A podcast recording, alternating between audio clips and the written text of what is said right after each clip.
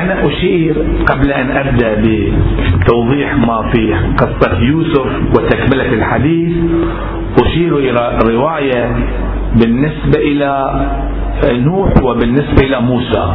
هناك شبه موجود بين الإمام الحجة سلام الله عليه ودولته المباركة وبين نوح من ناحية اليأس. أن الناس يأسوا ولكن هو استمر في مسيرته. هكذا في الرواية. رأيت رواية هكذا.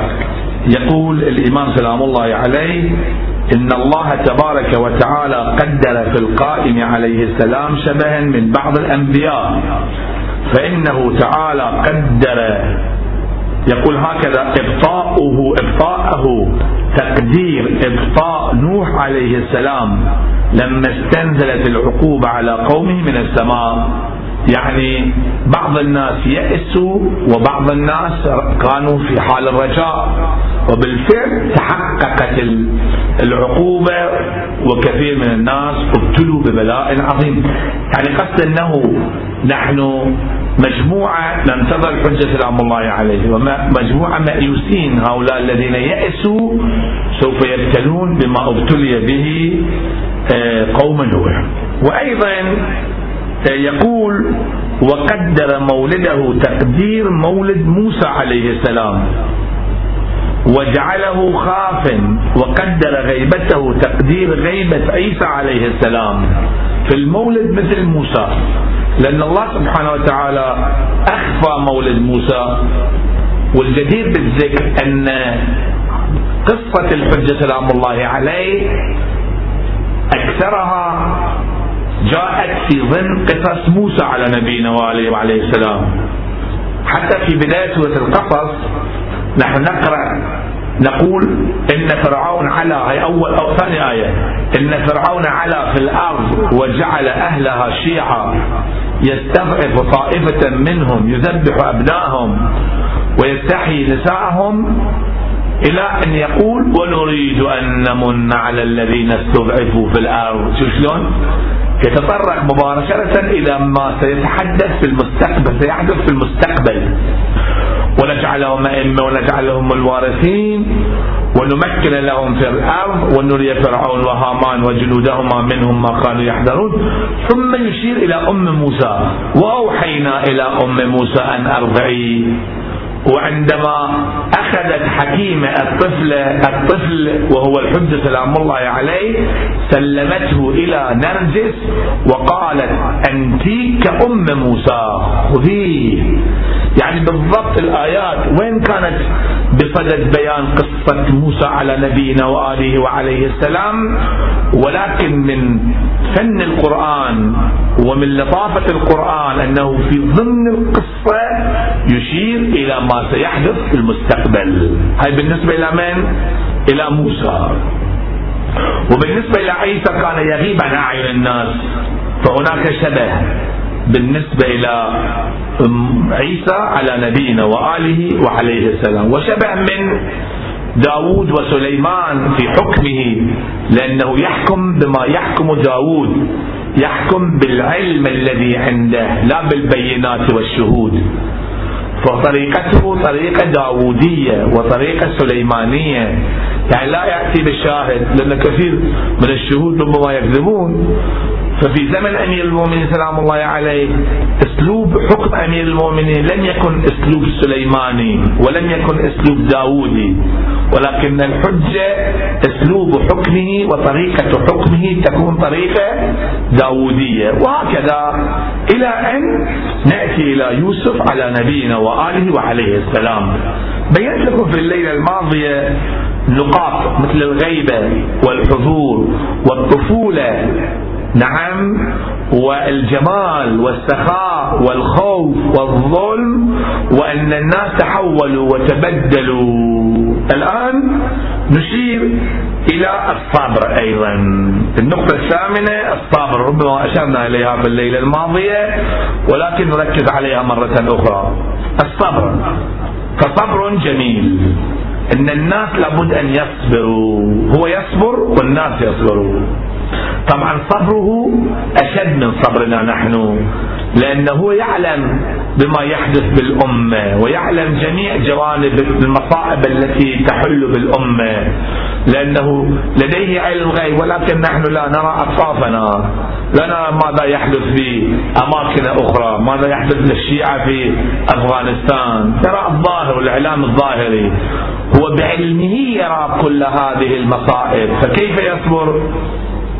ولذلك في قضية موسى يقول نعم الخضر يقول له فكيف تصبر على ما لم نعم لديك به خبرة إذا أنت ما تدري شلون تصبر وكان واحد ما يصبر ما يصبر الإنسان.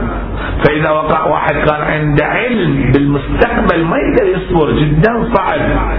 صعب جدا.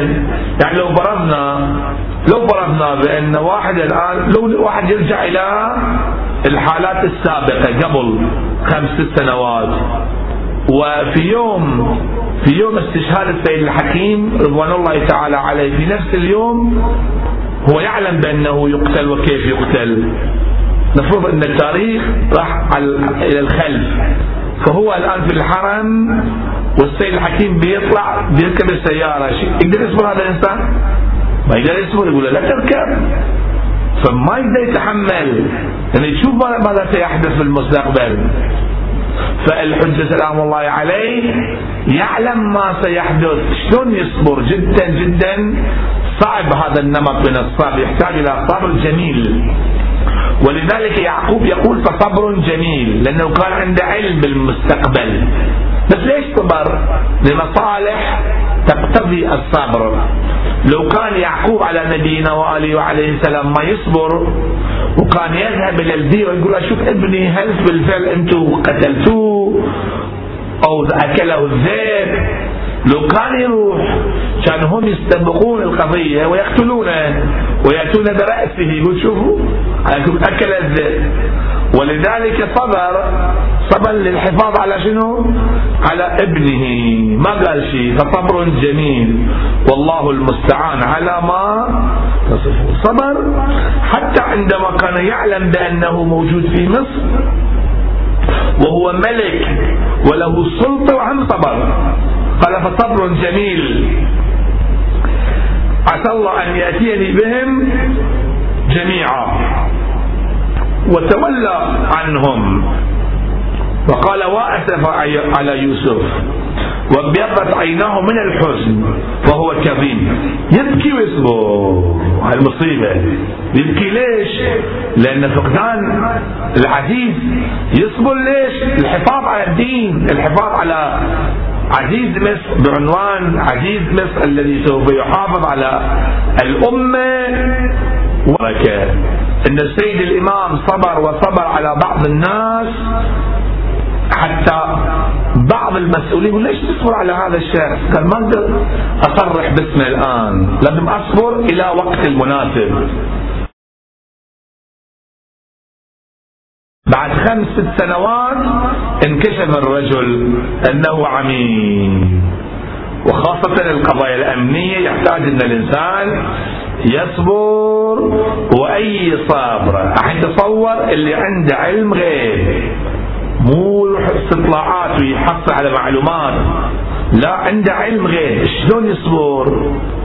فأصبر الصابرين الذي اكتسب الصبر من الله سبحانه وتعالى وهو مجلى فيضات الله هو ولي الله الأعظم أرواحنا لتراب مقدمه الفداء هذه أيضا نقطة وفي الرواية يقول قال أبو الحسن عليه السلام أما والله لا يكون الذي تمدون إليه أعينكم حتى تميزوا وتمحصوا.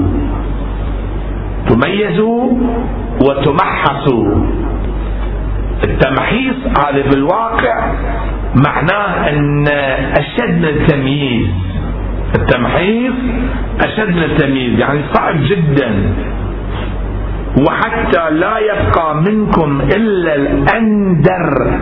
يعني أقل شيء.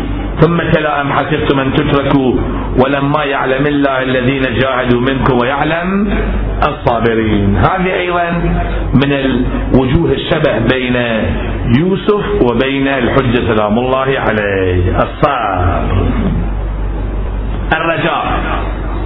النقطة التاسعة الرجاء. مع أنه واحد يصبر ولكن عنده أمل. إذا ما في أمل نعم لا يمكن للإنسان يتحرك.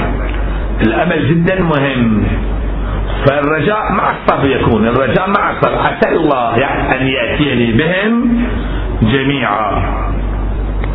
في تلك الآية المباركة إنه هو العليم الحكيم.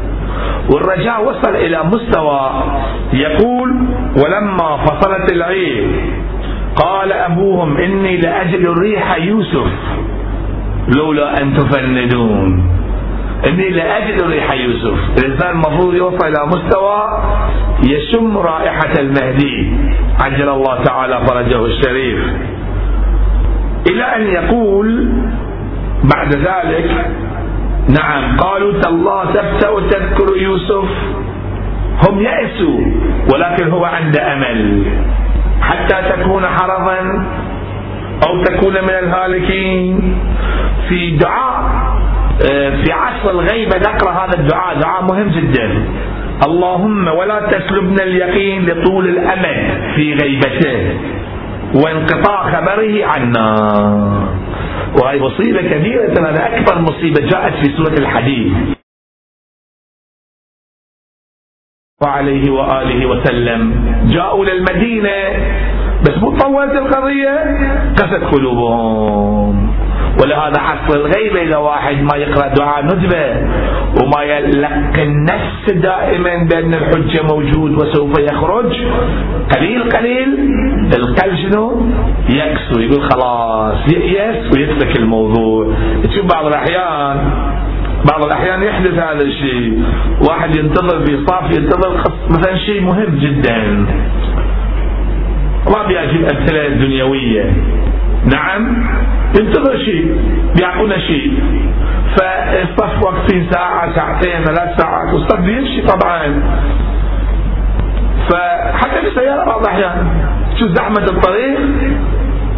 اللي قاعد يم يقول اصبر خليه الحين بيمشي يقول لا خلاص ما بيمشي يروح يفترح من طريق ثاني. بتاخر هناك عشر ساعات. يمكن ما يوصل إلى المقصد لو كان واقف هني لو صابر ثلاث ساعات كان دخل وانتهت المسألة. بعدين يشوف الناس وصلوا يقول اشتغل ما وصلت. يأس بسرعة. فأمور تقع في عصر الغيبة تجعل الناس يأسون.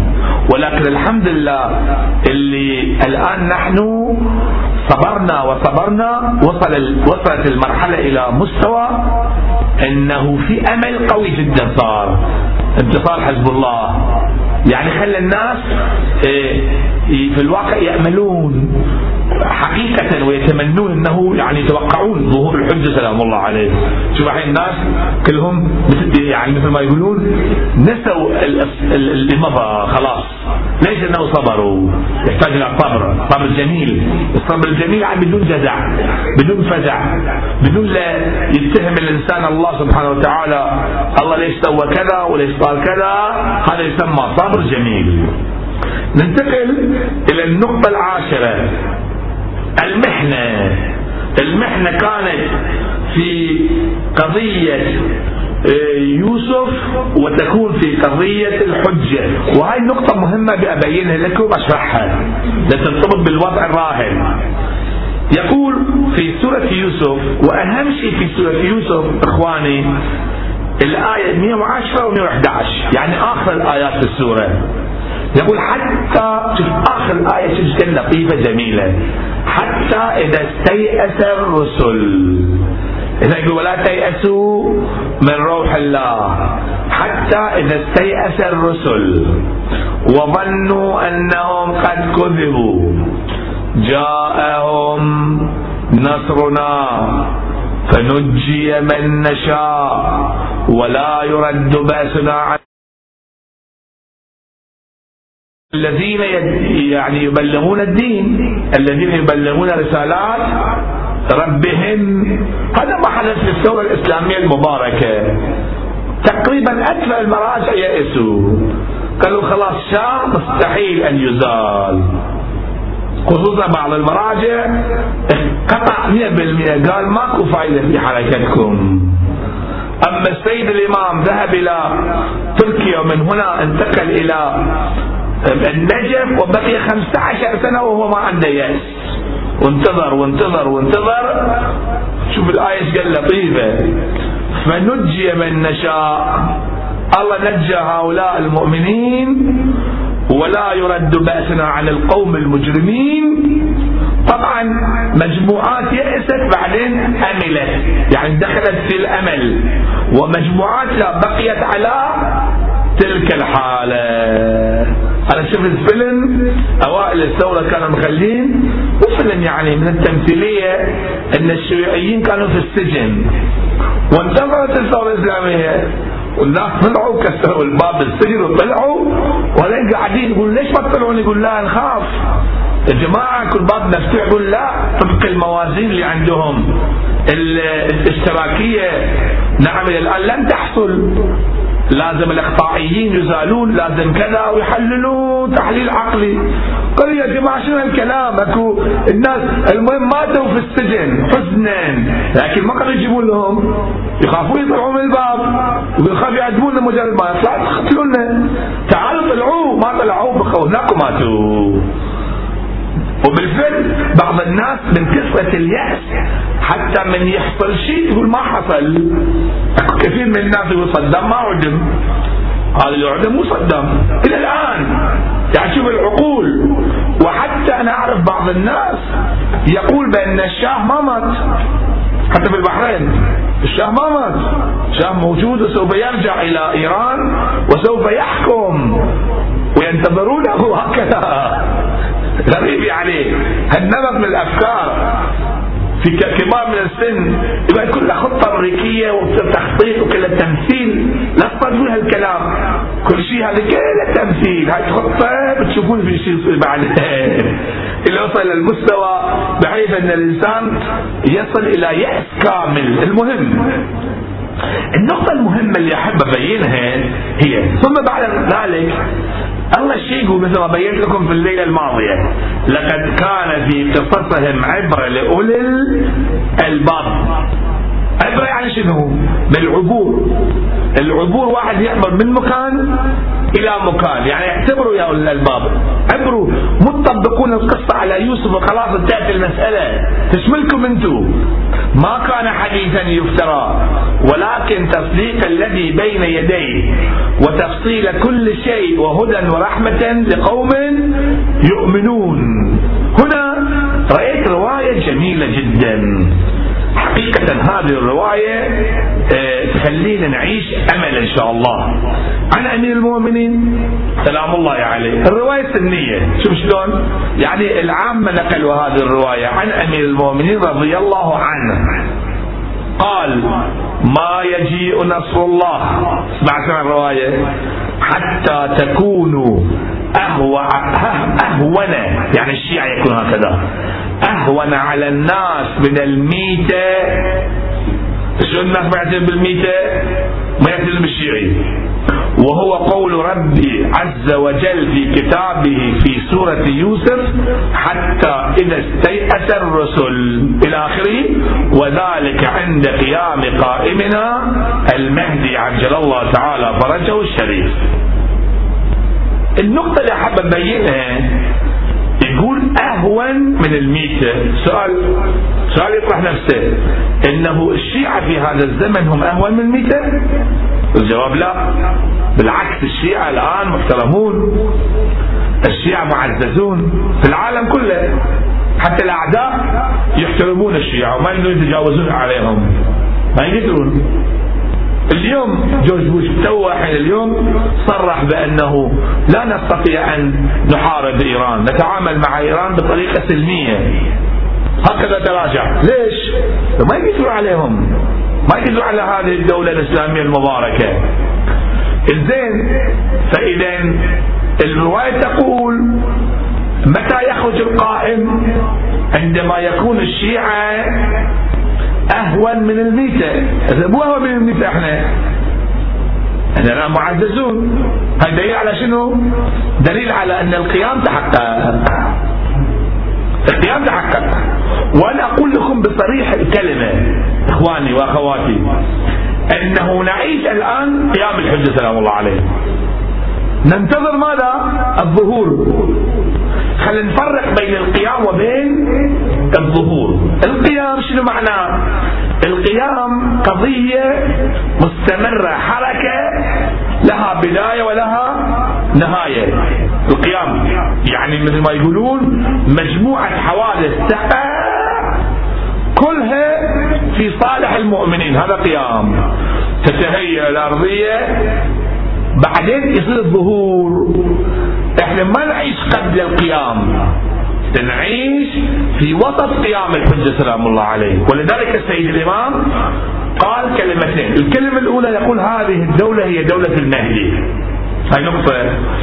وقال بأنه يوم 22 بهمن اليوم انتصار الثورة يوم بداية قيام الحجة سلام الله عليه. هاي كلام السيد الإمام.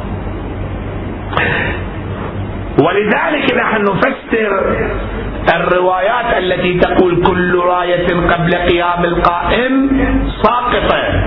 طبعا ساقطة.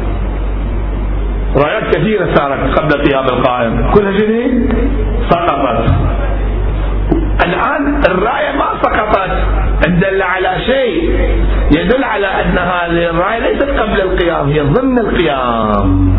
والدليل على ذلك سؤال الناس توجههم إلى الدين صار أكثر وأقل؟ أكثر. العالم كله تغير. اليوم في فرنسا اليوم في تركيا اليوم في إنجلترا. أكو نزاع على شيء بسيط في ذاك الزمان كان عادي. إن واحدة مستعدة تسلك الجامعة وما تدخل في الصف غير محجبة. ما كان هذا الشيء. مستعد إنه تدرس. ما أدرس. خل أكون عمي ولا ولا أخلع حجابي؟ الناس توجههم زاد واشد من ذلك. شخصيا أنا رأيت وإن شاء الله إذا ذهبتم إلى قم اذهبوا إلى مسجد صاحب الزمان الذي يسمى بمسجد جمكران. مسجد الحجة سلام الله عليه. اذهب هناك. أوائل الثورة وقبل الثورة. المفروض الناس توجههم إلى الحجة يصير أكثر مو؟ لأن الظلم كان موجود. كنت تروح إلى مسجد صاحب الزمان ما تشوف فيه إلا خمسة ستة عشر انفار يصلون. صلاة صاحب الزمان اللي فيه إياك نعبد وإياك نستعين 100 مرة. الآن روح. الآن أنا شخصيا ذهبت قبل سنتين أو ثلاثة مجرد ما دخلت في مسجد صاحب الزمان ليلة الأربعاء تتصور كأنك في عرفة. شو عرفه سيارات؟ وزحمة الناس؟ سبحان الله. تسأل من وين جايين؟ شباب يقول جاي من سمنان. سمنان أربع ساعات ست ساعات طريق إلى قم. من وين جاي؟ إصفهان. أول ليلة أربعة؟ لا. يقول كل ليلة أربعة أنا أتي. أماكن مختلفة. عالم ينتظرون الحجة. فاذا هذه الدولة المباركة في الواقع ضمن القيام. أنا أقول لك هاي النقطة. ضمن القيام. ليش؟ لأننا لسنا أهون من الميتة. الآن نحن معززون في العالم. وأبشروا أنفسكم. وإخوانكم بأنه سوف يخرج إن شاء الله قريبا. صلوا على محمد وآل محمد.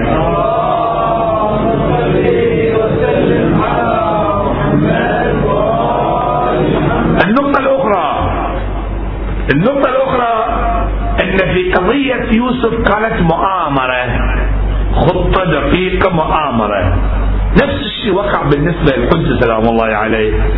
يقول كذلك بنو أمية وبنو العباس لما وقفوا على أن زوال ملكهم وملك الأمراء والجبابرة منهم على يد القائم منا ناصبونا العداوة ووضعوا سيوفهم في قتل آل الرسول صلى الله عليه وآله.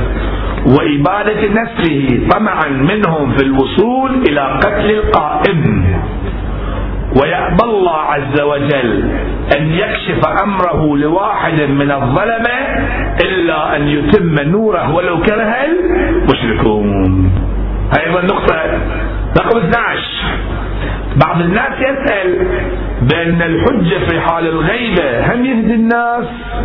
الجواب يوسف شلون؟ مو كان في السجن. يوم كان في السجن يقول يا صاحبي السجن أأرباب متفرقون خير أم الله الواحد القهار؟ ما تعبدون من دون الله إلا أسماء سميتموها أنتم وآباؤكم. تقول والله يهدي شخص واحد أو شخصين. شخص واحد بعض الأحيان واحد كألف. أحد تشوف في بعض البلدان شخص واحد تاجر رايح إلى تايلاند. هناك أكو شيعة موجودين. اللي والله تاجر إيراني رايح هناك هاي المجموعة آلاف من الشيعة ببركة هذا الإنسان الواحد شوف شيعة حيرابات اسأل انت شيعة منو اللي شيعهم وجبل عامل أبو ذر الغفاري شخص واحد. وشوف الشيعة. وتستغرب تقول شخص واحد يهدي له شخص شخص يهدي له شخص وهذا الشخص له دور مهم. وأما في قصة يوسف أنا أعتقد هكذا. أن الذي أطلق سراحه وقال أنه وأما الآخر ونعم احدكما فيسقي ربه خمرا. قال روح اشتغل في الشغله مو مشكلة. آمن بيوسف. بقى الإنسان كافر خلاص. حتى الأول اللي اعدم فقير طب اعدم بس كان آمن بيوسف. اثنينهم يعني يوسف لما ينزل في السجن يهدي له نفرين بعد شنو؟ هذه هداة وارسله والدليل أن هذا الرجل وصل إلى مستوى من المعرفة. يقول يوسف شوف صداقة مع يوسف كان عنده يوسف يعني هو يا يوسف روح سر. أيها الصديق أيها الصديق. الصديق يقول لا. أفتنا في سبع بقرات ثمانية يأكلهن سبع عجاف وسبع سنبلات خضر وأخر يابسات. لعلي أرجع إلى الناس. أنا أدري أنت ضد الملك. لعلي أرجع إلى الناس. الناس فقط إيش يسوون. فليش هو راح؟ أصلا الخطه كانت. يوسف قال له روح أنت في نفس العمل اللي تشتغل اشتغل. إذا يوم من الأيام صارت قضية خبرهم بأن أنا عندي شخص يحل لكم المشكلة. اذكرني عند ربك. بعض الناس يقولون قال اذكرني عند ربك فأنساه الشيطان. يعني أنسى يوسف هذا غلط. قطعا غلط. إنه من عبادنا المخلصين. لاغوينهم أجمعين. إلا عبادك منهم. على خلاف الآية القرآنية تقول يوسف أنساه الشيطان. شو هالكلام؟ هاي كلها إسرائيليات تراها القصة هنا لطيفة جدا. خليني أبين لكم وأطبق القضية على الحجة. سلام الله عليه. صلوا على محمد وآل محمد.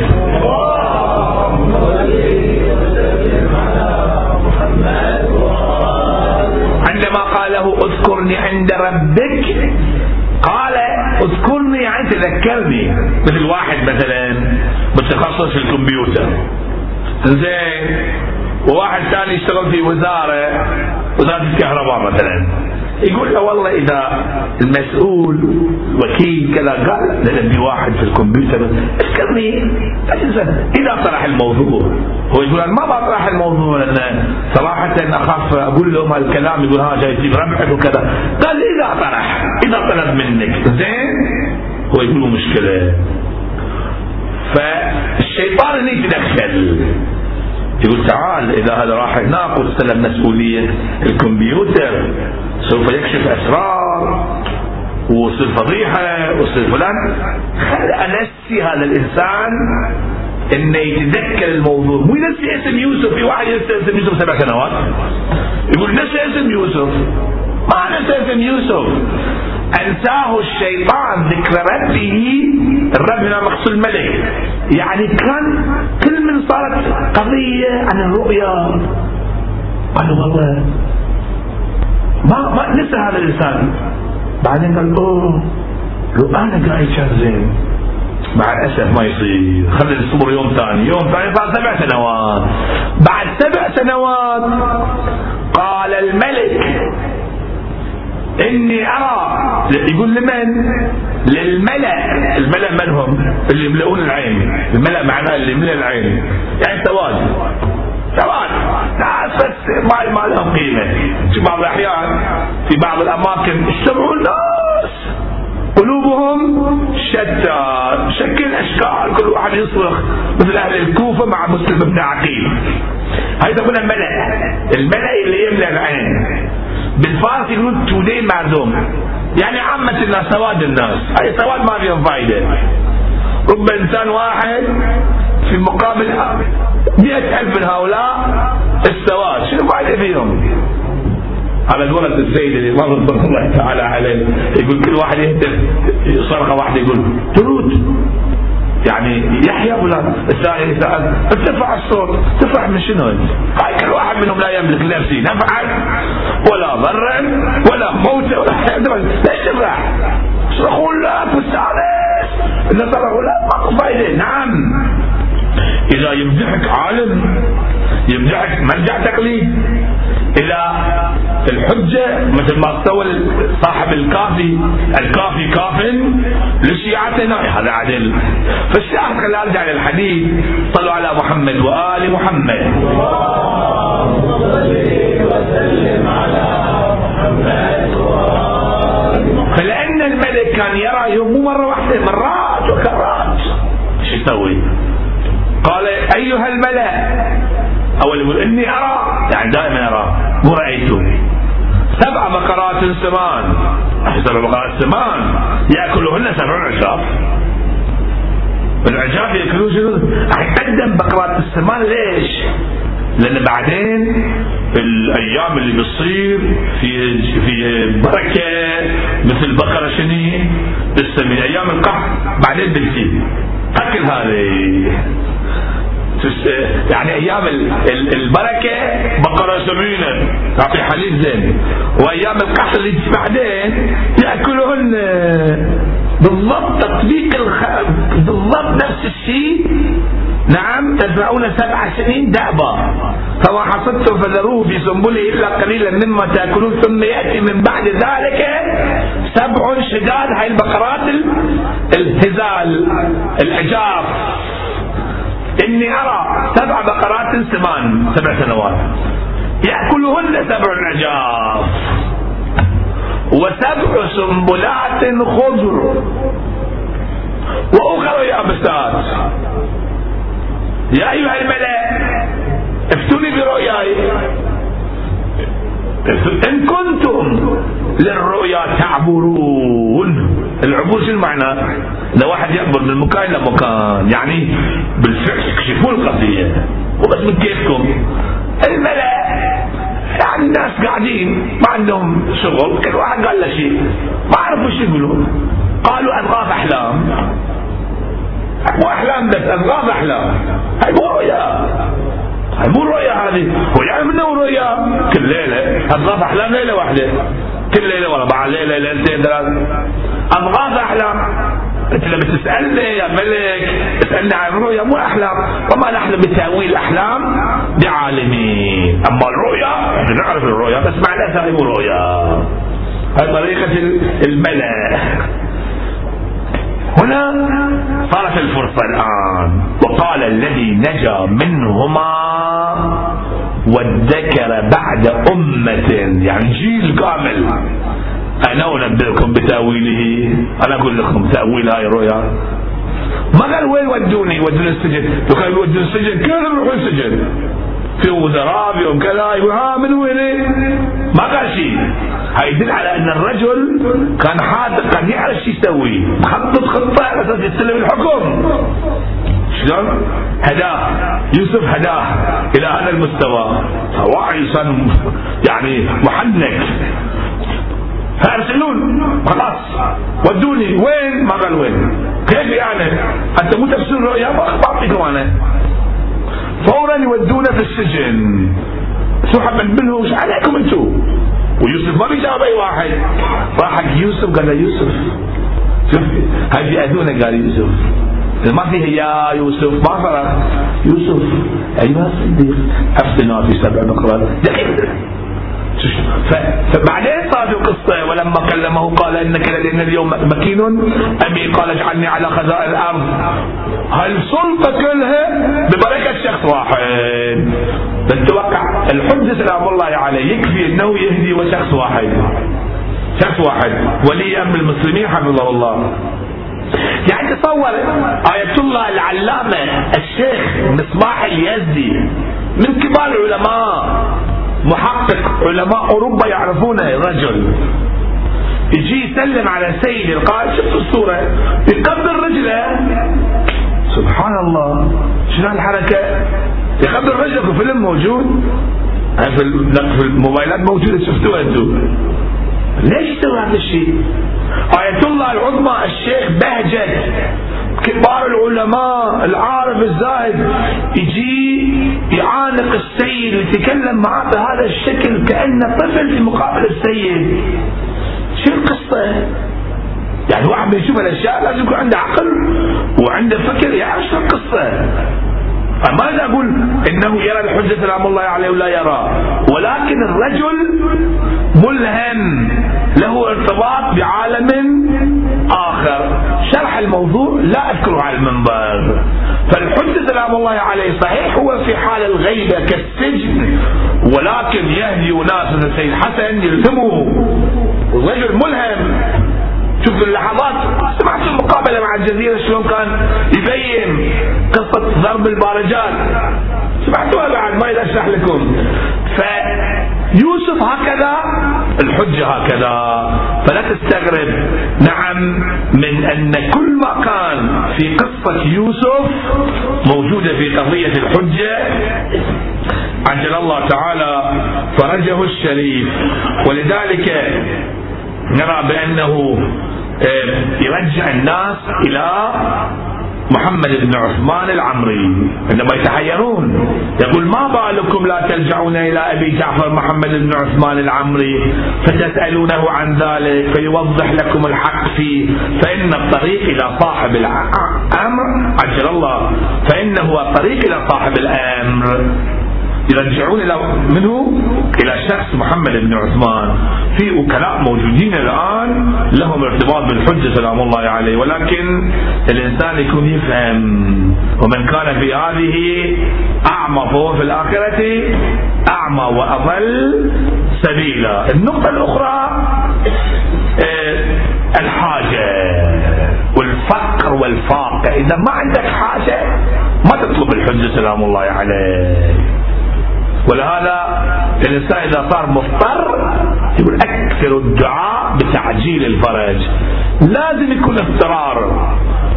مو بس حاجة النقطة الأخيرة قبل الأخيرة أن الحاجة لازم تكون إلى حد بحيث ماكو حل إلا هو هذا.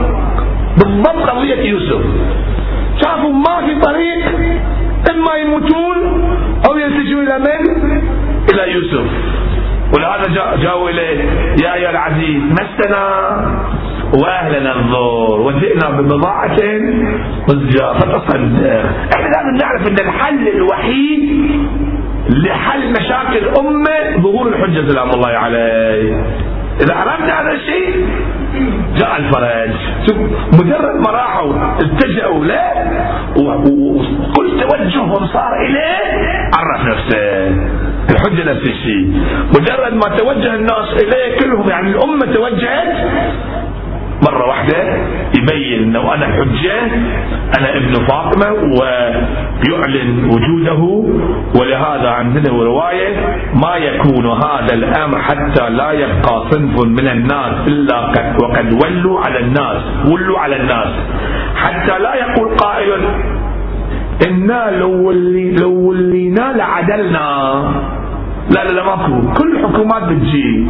أنواع الملكية وراسل الجمهورية وكذا وكذا. يقول خلاص. شو يفيدكم الآن؟ بقية الله خير لكم إن كنتم مؤمنين. أحب أبين لك النقطة قبل الأخيرة. ثم النقطة الأخيرة نقطة عشقية حقيقة. نقطة رقم 13 يقول أول شيء الانتصار. طبعا تحقق الانتصار كما يتحقق الانتصار هناك ورفع أبويه على العرش. هذا واضح؟ النقطة اللطيفة هي أن الناس قسمين قسم يطلبون الحجة للأكل والشرب للمادة. هذا نوع من عبادة التجار. مثل أولاد يعقوب. أولاد يعقوب شو يبغون؟ تصدق علينا. أوفي لنا الكيل. هاي نمط من الناس؟ بالضبط قصة يوسف. يا أيها العزيز مسنا وأهلنا الضر. وجئنا ببضاعة مزجاة يقول مادة. بعض الناس يجي الحجة والله بدي كذا وكذا وكذا. حل مشكلتي يا ابن الزهراء. مثل اللي كانوا مع الحسين سلام الله عليه. يا الفلوس؟ نعم رجعوا. بس الحجة ما بيرجعهم يعطيهم يقول يلا هاي يكفيكم روحوا بس اكلوا خلاص. اكلوا أنتم تحبون هالشيء؟ يعطيكم. ما بيقنعكم أما في إنسان يطلب الحجة لأجل الحجة. هاي مهم. مثل يعقوب على نبينا وآله وعليه السلام. يقول اذهبوا وتحسسوا من يوسف وأخيه. ولا تيأسوا من روح الله. أنتم روحوا دوروا على يوسف. يوسف يفيدكم. مو للمادة. يوسف النظر إليه. يوصلكم إلى كمالات عالية. تستكمل بها الكرامة. عندك ولهذا نحن إن شاء الله نكون القسم الثاني. نريد الحجة لأجله. كما يقول الشاعر في قضية الحسين أبكي لأجله لا لأجل مثوبة. هاي مهم. ولا لو واحد يبكي للمثواب هاي البكاء أصلا لا قيمة هذا أن أهل البيت هم كرماء. ولكن المفروض يعاقب الإنسان على هذا النمط من التعامل مع أهل البيت عليهم السلام. حتى مع الله. هل الله ما أعطيك النعم الكثيرة؟ يقول الشاعر المعروف سعدي شيرازي تجي يقول يقول سباس خداي راكب يعني أحمد الله الذي بكل نفس من تنفة اكو شهيق واكو شنو؟ زفير الشهيق يحتاج شكر والزفير يحتاج شنو؟ شكر انت الحين بتشكر بتشكر اهم نفسي تتنفس مو مو الشكر لله هاي التنفس هاي لما تبي شكر شلون بتشكره تفضل؟ شنو تشكره؟ شنو شنو؟ بس كلمة شكرا لله بلا شكر يعني خلاص ما كنا هاي تسلسل شيء فقول ما أقدر أشكر الله وحق يطلب منك بعد يقول إلهي أنا والله قريت دعاء أبو حمزة أو الصمت أعطني ثواب أعطيك ثواب بس شنو التعامل مع الله؟ يكون تعامل مع الحسين مع أهل البيت هكذا الذي يقول الشاعر ابن النبي المصطفى ووصيه واخ الزكي وابن البتول وابن البتول الزاكية هي هي هي البكاء لا يختص بأيام عاشوراء كل يوم عاشوراء كل أرض كربلاء يا ابن النبي المصطفى ووصي واخ الزكي وابن البتول الزاكي تبكيك عيني لا لاجل مثوبة لكنما عيني لاجلك باي يا يا يا يا يا تبتلوا منكم كربلاء بدمين ولا تبتلوا مني بالدموع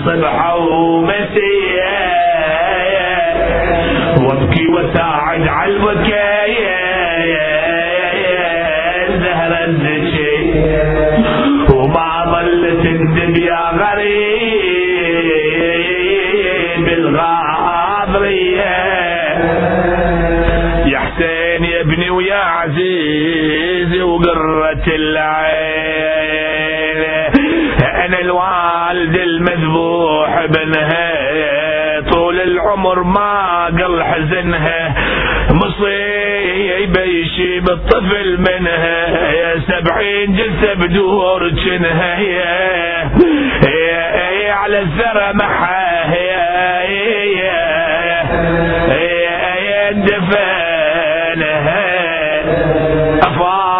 قومي ابنة الخير واندبي. إنا لله وإنا إليه راجعون. نسألك وندعوك باسمك العظيم الأعظم الأعز الأجل الأكرم. إلهي بفاطمة وأبيها وبعلها وبنيها والسر المستودع فيها. فرج عنا يا الله. اللهم اغفر ذنوبنا واستر عيوبنا واشف مرضانا وارحم موتانا. اللهم انصر الإسلام والمسلمين أيد حماة الدين واحفظ وأيد وسدد ولي أمر المسلمين. سماحة السيد حسن نصر الله احفظه بحفظك يا الله. أهلك الكفار واليهود والتكفيرين والمنافقين. تقبل منا هذا التوسل بأحسن القبول عجل اللهم في فرج مولانا صاحب الزمان إلى أرواح أمواتنا. وأمواتكم والشهداء جميعا ووالدينا أموات المؤسسين والحاضرين. الفاتحة تسبقها الصلاة على محمد وآل محمد.